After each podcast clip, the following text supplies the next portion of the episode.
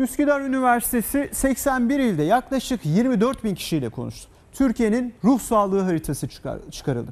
Araştırma sonuçları ise çarpıcı. Bekarlar evlilere göre, gençlerse yaşlılara göre daha öfkeli. Üniversite ayrıca kadına şiddet uygulayanların profilini çıkarmak için İstanbul Emniyeti ile protokol imzaladı. Gençler ve bekarlar daha öfkeli. Trakyalılar ve Orta Karadeniz'de yaşayanlar daha sakin.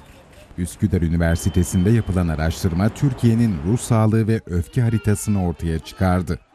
81 ilde 24 bin kişiyle konuşuldu. 28 puan üzerinden haritalandırma yapıldı. Türkiye'nin ortalama öfke puanı 7,4 olarak belirlendi.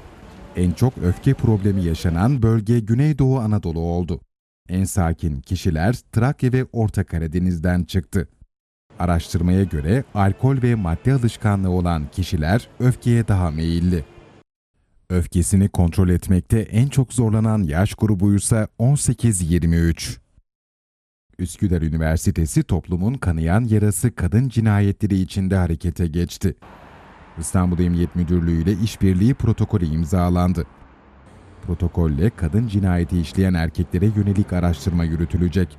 Cinayetlere ilişkin profil çıkarılacak. Bunların yaşı kaç? Yani böyle dışarıdan baktığın zaman acaba tanır mısın, e, tanıyabilir misin diyerekten e, soruluyor. İşte bu sorulara cevap alabilmek için tabii ki bu cinayetleri işleyenlerle çok ayrıntılı yüz yüze görüşmek gerekiyor. O kişiler hangi noktadan itibaren şiddet göstermeye başladılar? Çocuklukları nasıl bir ortamda geçti?